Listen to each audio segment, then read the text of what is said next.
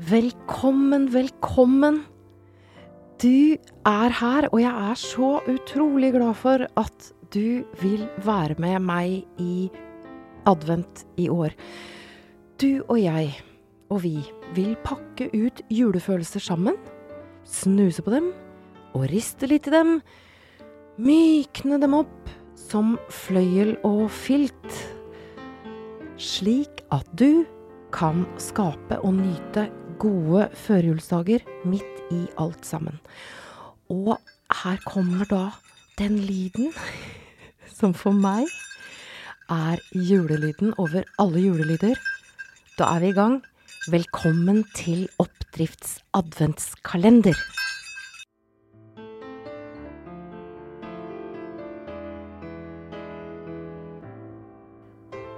Ah, jeg sitter her og kjenner på Åh, jeg kjenner på takknemlighet for at du, for at du er her i, i adventskalenderen. I denne første luken, nå åpner vi den snart, du vil få et enkelt verktøy, slik at du kan omdanne eh, når det kommer sånne banker av eh, bekymring, sånne tåkebanker, vet du, du kan omdanne bekymring til lettelse. Og ro.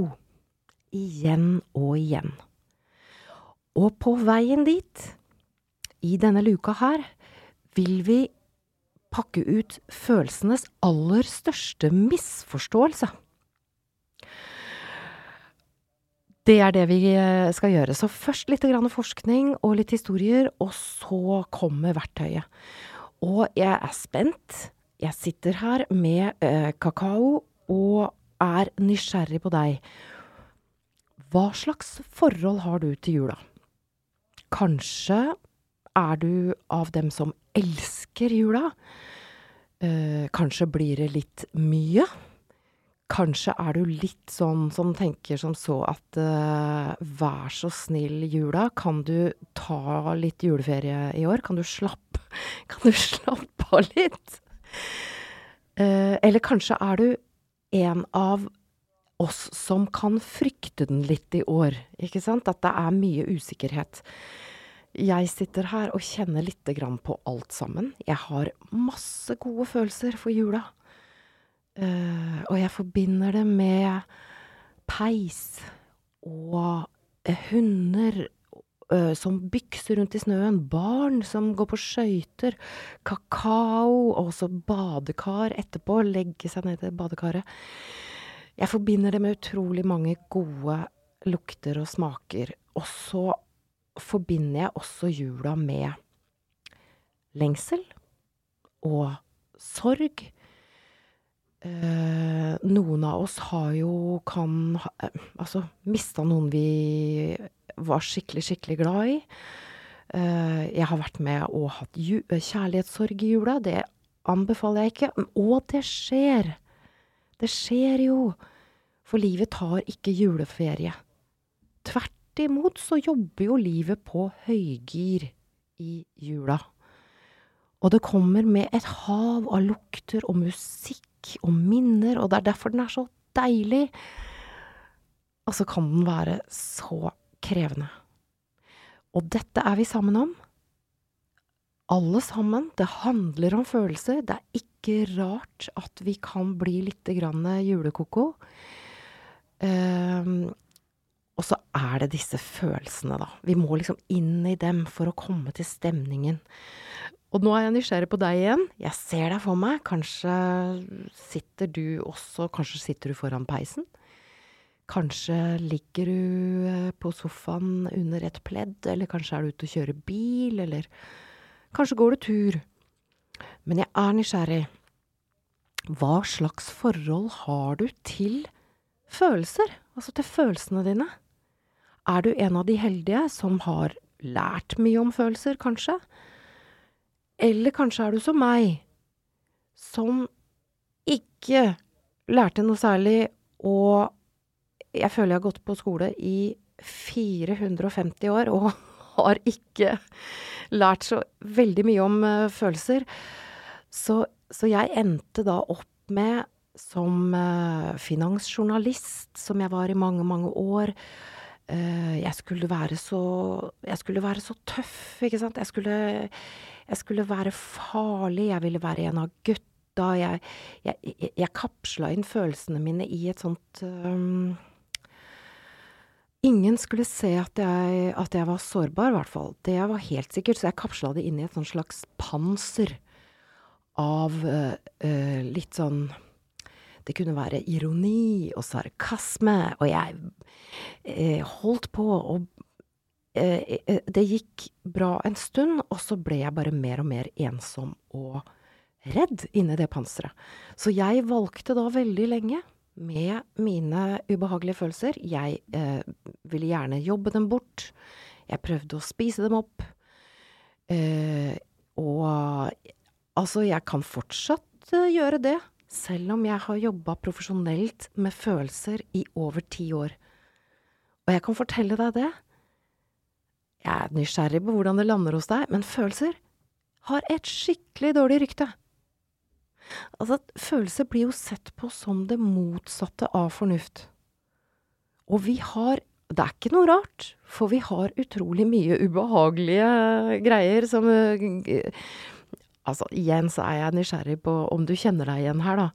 Uh, Lite grann. Vi, vi har masse ubehagelige følelser. Så følelsen Det er sånn når jeg forteller at jeg er emosjonell styrketrener, så får jeg som regel én av tre responser. For det er det jeg driver med nå. Jeg bygger opp et emosjonelt treningsstudio. Uh, det har jeg gjort de siste fire og et halvt åra. Der hjelper jeg organisasjoner og eh, mennesker til å gjøre følelsene til sin styrke. Og når jeg forteller at jeg er emosjonell styrketrener, så får jeg én av tre responser. Og den første, den er, den er sånn Hæ? Emosjonell what? Sånn, folk har lyst til å gå sin vei. og den andre, den er litt mer sånn ah, emosjonell eh, styrketrening, det tror jeg jeg trenger. Og så er det den tredje, som er veldig søt og rørende. Det kjenner jeg veldig mange som trenger. Særlig eh, naboen, eller svigerfar, eller 14-åringen. Og det er veldig morsomt. Vi er mange som, som har godt av å vite noe om følelser. Og artisten Lady Gaga, som er en heltinne på så mange områder, hun startet en emosjonell revolusjon sammen med Yale-universitetet for noen år siden. Og Lady Gaga hun sier det at følelsene våre, de har vi plassert i et skap med et massivt stigma om at det ikke er kult å føle. Og så sier hun det så veldig fint uh, til slutt. Vi må gjøre det kult å føle. Altså, vi er mennesker. Og nå får du den første og største misforståelsen om følelser.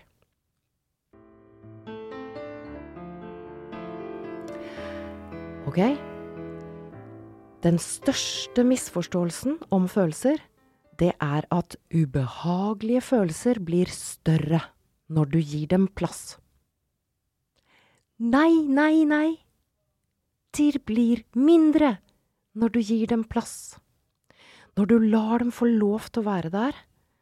Om det er savn, om det er sorg, om det er irritasjon, om det er følelsen av ensomhet det er ikke noe rart vi har de følelsene, eller, og du har dem. De blir mindre når du gir dem plass. De omdanner seg til noe annet. Og denne forskningen, den kommer fra mange steder. Den kommer fra Harvard, den kommer fra Yale, men først og fremst så kommer den fra ah, den store, o store professor Brené Brown. Brené Brown hun er en av verdens fremste forskere på følelser, og hun sier det så Hun sier dette så riktig.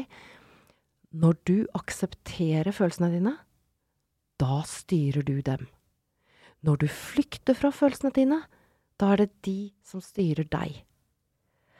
Altså det å sette ord på julefølelser, eh, sette ord på Altså, si stress, og gjenkjenne det.